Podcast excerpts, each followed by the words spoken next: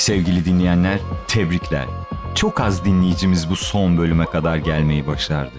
Kimi Kanlı Meri efsanesine inanmayarak denemeye kalktı, kimi tanımadığı kişilerin verdiği şekeri afiyetle mideye indirdi, kimileri ise arabasının arka koltuğuna bakmayı unutacak kadar dalgın. Ama siz bu tuzaklardan hiçbirine düşmediniz. O halde hanımlar beyler bunu ben de yaparım Cadılar Bayramı özel serisinin 3. ve son podcastine hoş geldiniz.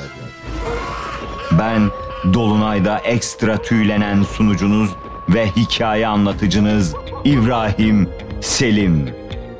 Geçtiğimiz bölümlerde Cadılar Bayramı'nın kökenleri ve mitlerine dair bir yolculuğa çıkmıştık. Artık size kökenleriyle ilgili öğretebileceğimiz hiçbir şey kalmadı. Kendi süpürgenizi kapıp dolunaylı geceye doğru uçmak için artık hazırsınız. Ama bu bölüm bitene kadar bizimle kalın. Sonrasında beraber uçacağız zaten. Şimdi kamp ateşinin etrafında toplanıp küçük sopalarımıza taktığımız marshmallowlarımızı ateşte pişirmeye başlıyoruz. Hikaye zamanı.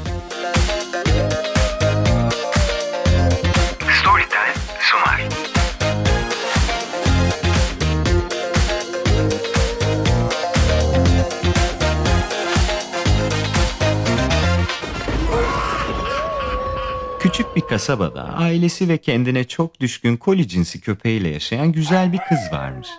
Ailesi bir iki günlüğüne şehir dışına çıkmak zorunda kalmış. Kız da evde köpeğiyle tek başınaymış.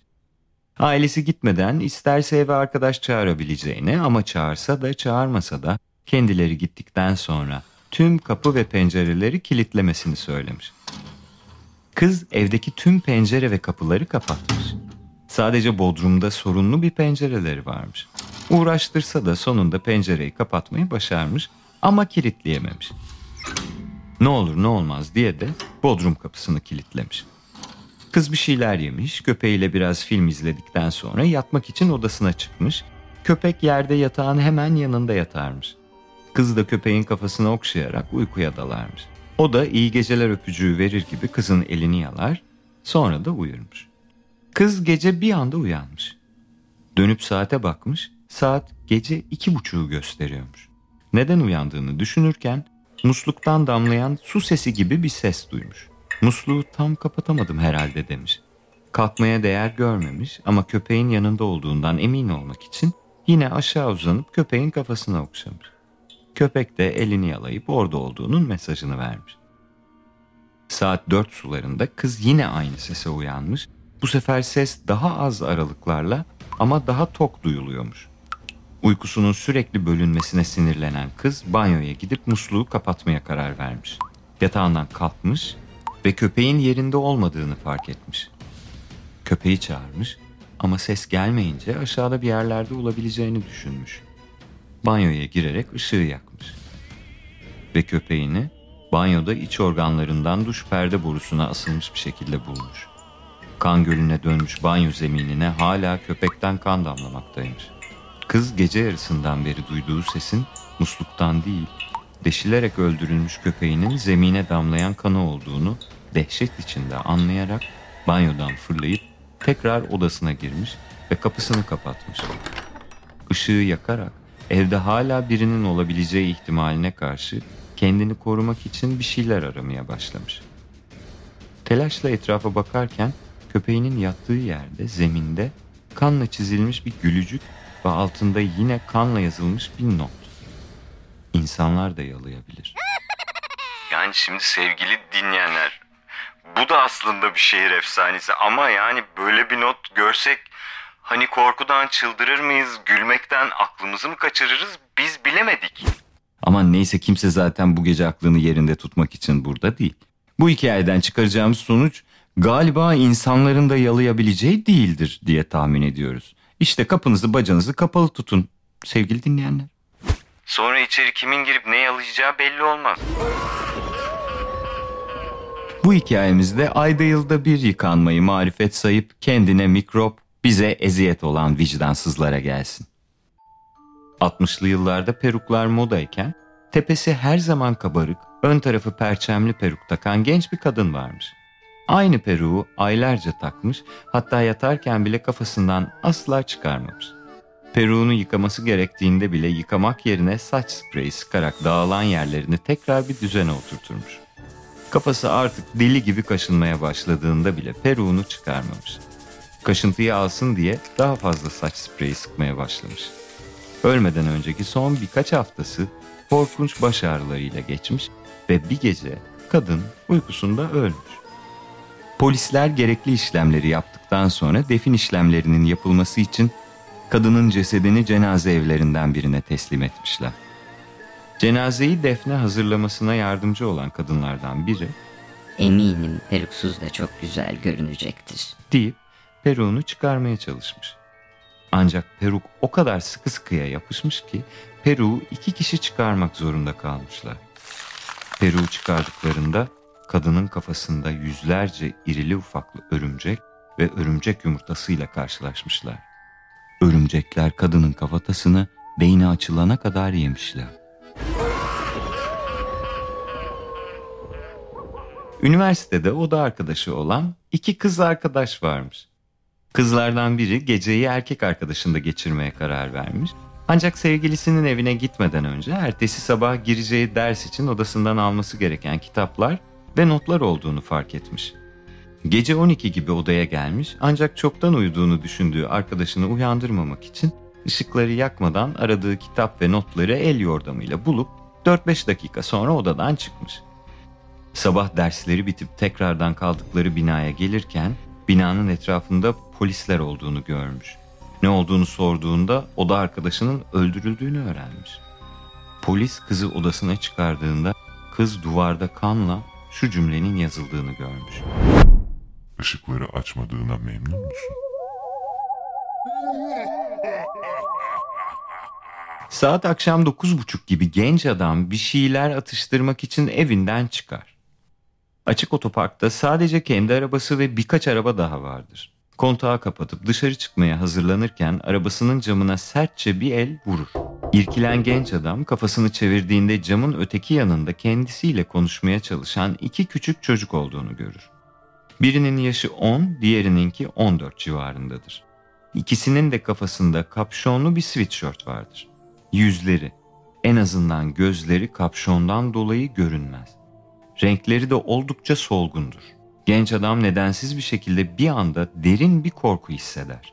Küçük olan çocuk gergin bir şekilde filme geldiklerini ancak paralarını evde unuttuklarını söyler. Para istemezler.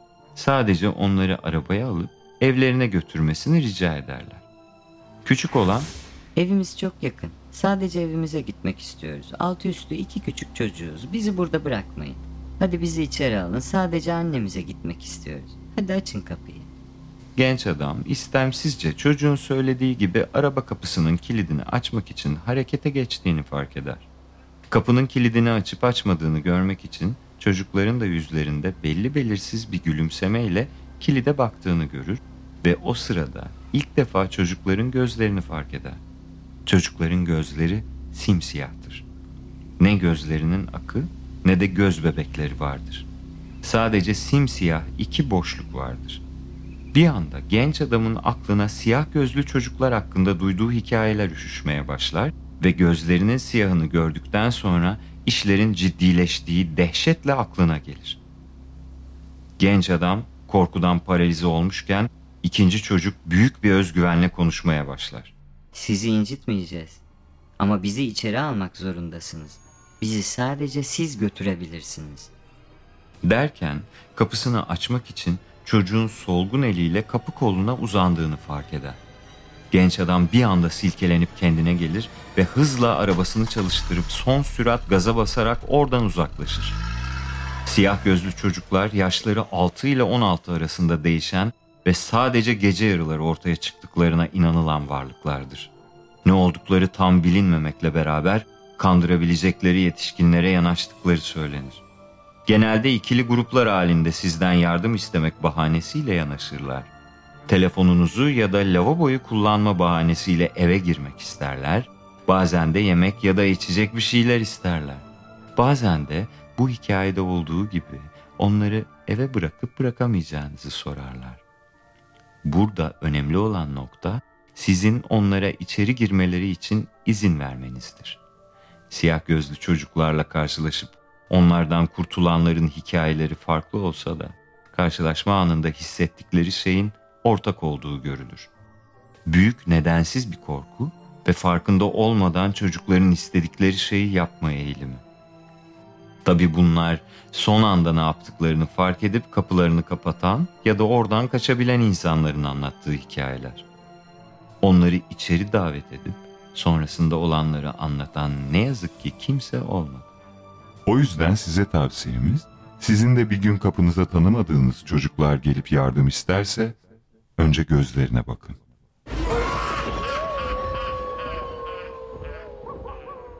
Bu hikaye Japonya'da iş gezisinde olan bir arkadaşımızın başından geçti.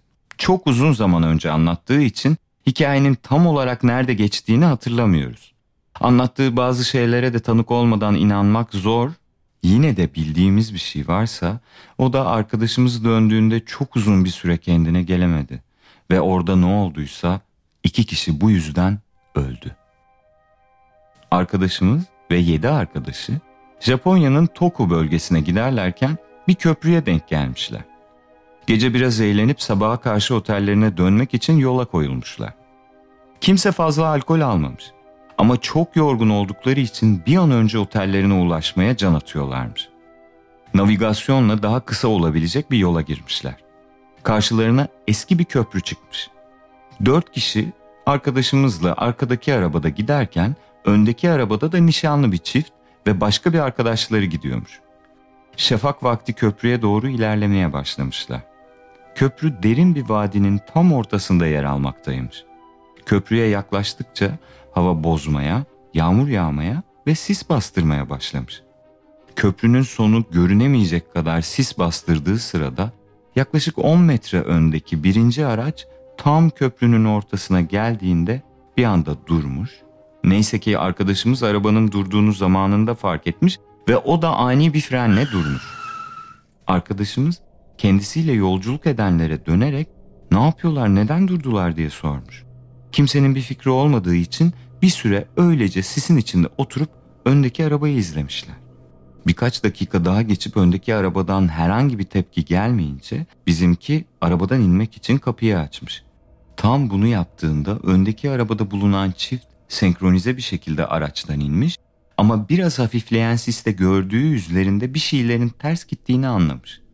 İyi olup olmadıklarını sormak için yanlarına gitmeye niyetlendiğinde çift bir anda el ele tutuşup boşta olan elleri de sanki başka birileriyle el ele tutuşuyormuş gibi arabanın etrafında dönerek daire çizmeye başlamışlar. Ardından bir anda durmuşlar. Arabanın diğer tarafına yine el ele geçip aynı ifadesi suratlarla köprünün sol tarafındaki açıklıktan kendilerini aşağıya bırakmışlar. Evet öylece hiç tereddüt etmeden el ele tutuşarak kendilerini boşluğa bırakmışlar. Herkes şok içinde çiftin atladığı yere bakmak için köprünün yanına koşmuş ancak sisten dolayı hiçbir şey görememişler. Hiç kimse olanlara inanamamış. Öylece uzun bir süre kıpırdamadan kala kalmışlar. Sonra çiftin indiği arabada direksiyon başında başka bir arkadaşları olduğu akıllarına gelmiş ve hemen onun yanına koşmuşlar. Arkadaşlarının elleri direksiyonu o kadar sıkı kavramış ki ellerini sıkmaktan adamın eklemleri beyazlamış. Başı önünde sadece tek bir şey söylüyormuş. Gitmemeliyim, gitmemeliyim, gitmemeliyim. Hiçbir şekilde arkadaşlarını direksiyondan ayıramamışlar ve sonunda polisi aramaktan başka çareleri kalmamış. Yetkililer gelip kriz geçiren arkadaşlarını ambulansla hastaneye götürürken yapılan aramalar sonucu çiftin parçalanmış cesetlerine ulaşılmış. Arkadaşımızı ve geri kalan dört arkadaşını da sonu gelmeyecek gibi görünen bir sorgulamanın içine almışlar. Ancak sonunda polis yapılacak bir şey olmadığına, çiftin beraberce bu kararı verip hayatlarını sonlandırdığına karar vermiş. Polis karakolundan çıktıktan sonra bizimki kriz geçiren arkadaşlarını görmek için birkaç gün sonra hastaneye gitmiş. Adam neyse ki kendine gelmiş ve şoktan çıkmış. Bizimki o gün ne olduğunu, neden bir anda durduğunu ve çifte ne olduğunu sormuş. Arkadaşı köprüden geçerken sisin içinden bir anda önlerine bir kızın fırladığını söylemiş. Kız kısacık saçlara ve eski dönem kıyafetlere sahipmiş. Bir anda korkmuş ama kızın yardıma ihtiyacı olabileceğini düşünerek kendini toparlamış. Tam arabadan çıkmak için hamle yapacakken etrafının tıpkı önlerine fırlayan kız gibi giyinmiş bir sürü çocuk tarafından sarıldığını görmüş. Batıl inançlı olduğu için başının dertte olduğunu hemen anlamış ve uğursuzluğu def edecek bir şeyler mırıldanmaya başlamış. Bu sırada çocuklar el ele tutuşup şarkı söylemeye başlamış. Şarkının sözleri şöyleymiş. Kagome, kafesteki yalnız kuş. Ne zaman çıkacak dışarı? Gece şafağa dönerken, turna ve kaplumbağa kaçarken, arkanda kim duracak? Çocuklar bu şarkıyı söylerken bir yandan da kafasının içinde bizimle gel, bizimle gel diye ona seslendiklerini duymuş. O da gerçeklikle bağlantısını koparmamak için yüksek sesle gitmemeliyim, gitmemeliyim diye kendi kendine telkinde bulunarak sıkı sıkıya direksiyona yapışmış. O bunları yaparken gözü arkada oturan nişanlı çifte kaymış. İkisi de aynı anda arabadan çıkıp hem birbirlerinin hem de çocukların ellerini tutarak bir daire halinde arabanın etrafında dönmeye başlamışlar. Ardından yine el ele arabanın öbür tarafına koşarak kendilerini çocuklarla beraber köprüden aşağı bırakmışlar. Polis tabii ki bu anlatılanlara inanmamış. Hatta ben bile gördüklerimden çok emin değilim demiş bizimkinin arkadaşı. Ama bilinen bir şey varsa iki insan beş kişinin gözleri önünde el ele tutuşup köprüden aşağı atlamış. Olaydaki başka bir detaysa çocukların söylediği Kagome şarkısıymış. Kagome Japonya'da çok eski bir çocuk oyunuymuş. Bir grup çocuk bir daire oluşturup çemberin ortasında duran gözleri kapalı başka bir çocuğun etrafında bu şarkıyı söyleyerek dönermiş. Şarkı bittiğinde çemberin merkezindeki çocuk tam arkasında duran kişinin ismini tahmin etmeye çalışırmış. Ama bu oyun anlatıldığı kadar masum değilmiş.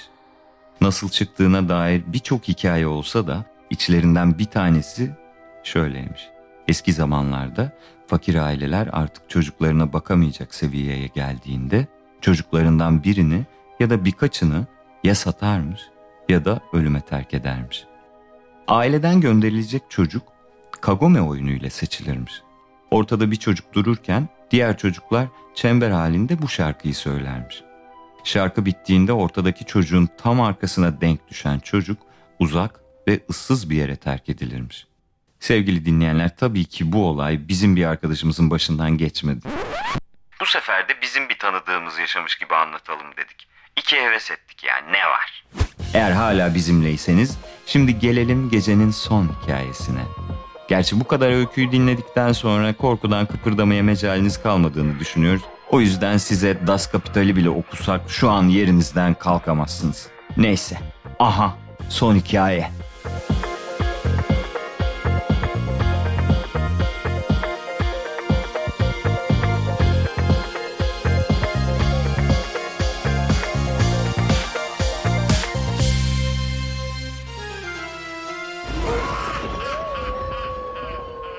Genç bir kız Cadılar Bayramı'nda çocuk bakmak için genç bir çiftle anlaşmış.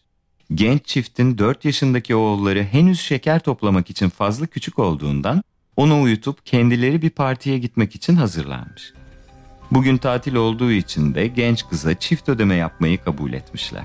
Genç kız eve geldikten sonra ev sahipleri çıkmış. Çocuğun uyuduğunu, herhangi bir sorun olursa kendilerini arayabileceğini söyleyip rahatına bakmasını istemişler. Genç çift geç kaldığı için alelacele evden çıkmış. Genç kız da onları yolcu ettikten sonra Cadılar Bayramı süslemeleriyle dekore edilmiş alt katı şöyle bir gezmiş. Üst kata çıkıp uyuyan çocuğu kontrol etmiş, sonra mutfaktan bir şeyler alıp televizyon izlemek için salona gitmiş. Salonda yine Cadılar Bayramı süslemeleriyle dekore edilmiş. Ama ilk dikkatini çeken şey açık pencereyle televizyon arasına yerleştirilmiş son derece korkunç palyaço heykeli olmuş. O kadar gerçek ve çirkin görünüyormuş ki kız üzerini bir örtüyle örtüp ancak öyle televizyon seyretmeye başlayabilmiş. Biraz daha cips almak için mutfağa gidip geri döndüğünde palyaço heykelinin üzerindeki örtünün düştüğünü ve sanki biraz yerinden oynadığını düşünmüş. Kız yavaş yavaş korkmaya başlamış. Tekrar üzerini örtmüş ve o sırada telefon çalmış. Arayan çocuğun babasıymış. Kız her şeyin yolunda olduğunu, sadece bu salonda duran büyük palyaço heykelinin kumandası ya da başka bir şeyinin olup olmadığını sormuş.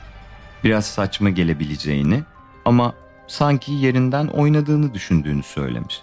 Baba telefonun kesildiğini, mutfakta daha iyi duyacağını söyleyip kızın oraya geçmesini istemiş.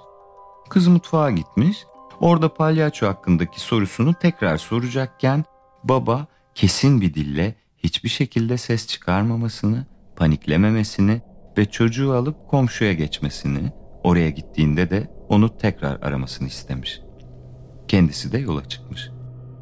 Kız kendisine söyleneni yapmış ve 5 dakika sonra anne ve baba polislerle komşularının evine gelmiş. Anne hemen çocuğa sarılırken ne olduğunu anlayamayan kız merakla adama bakmış. Adam çocuğun palyaçolardan çok korktuğunu, bu yüzden evde bırakın kocaman insan boyunda bir palyaçonun ufak bir biblosunun bile olmadığını söylemiş. Çok geçmeden polisler çiftin evinden elleri kelepçeli bir palyaçoyla dışarı çıkmış. Adam Cadılar Bayramı gecesinde akıl hastanesinden kaçmış ve açık pencereden içeri girmiş bir çocuk katiliymiş. Polis otosuna bindirilirken bir yandan deliler gibi gülmekte, bir yandan da kandırdım Kandırdım. diye kıza bakarak alay ediyormuş. Evet sevgili dinleyenler, palyaço Kenan Doğulu'ymuş. Şaka şaka. Kenan Doğulu'yu taklit eden genç ama başarısız bir popçuymuş. Sizler için hazırladığımız Cadılar Bayramı özel podcast'imizin sonuna geldik. Umarız sizler de bu seriden en az bizler kadar keyif almışsınızdır. Anlattığımız hikayelerden en çok sizi korkutanı lütfen bu gece rüyanızda görmeyi atlamayın ve unutmayın dünya açıklanamayan hikayelerle dolu. Ve her an içimizden birileri, belki de siz bu hikayelerden birinde kendinize istemediğiniz bir başrol kapabilirsiniz. Ha belki aranızda korkunç bir hikayenin başrol oyuncusu olmuş olanınız vardır. Belki de olmuş birini tanıyorsunuzdur. Eğer öyleyse hikayelerinizi hikaye et bunu ben de yaparım.com'a göndermeyi unutmayın. Ve en önemlisi şunu unutmayın. İnsanlar da yalayabilir.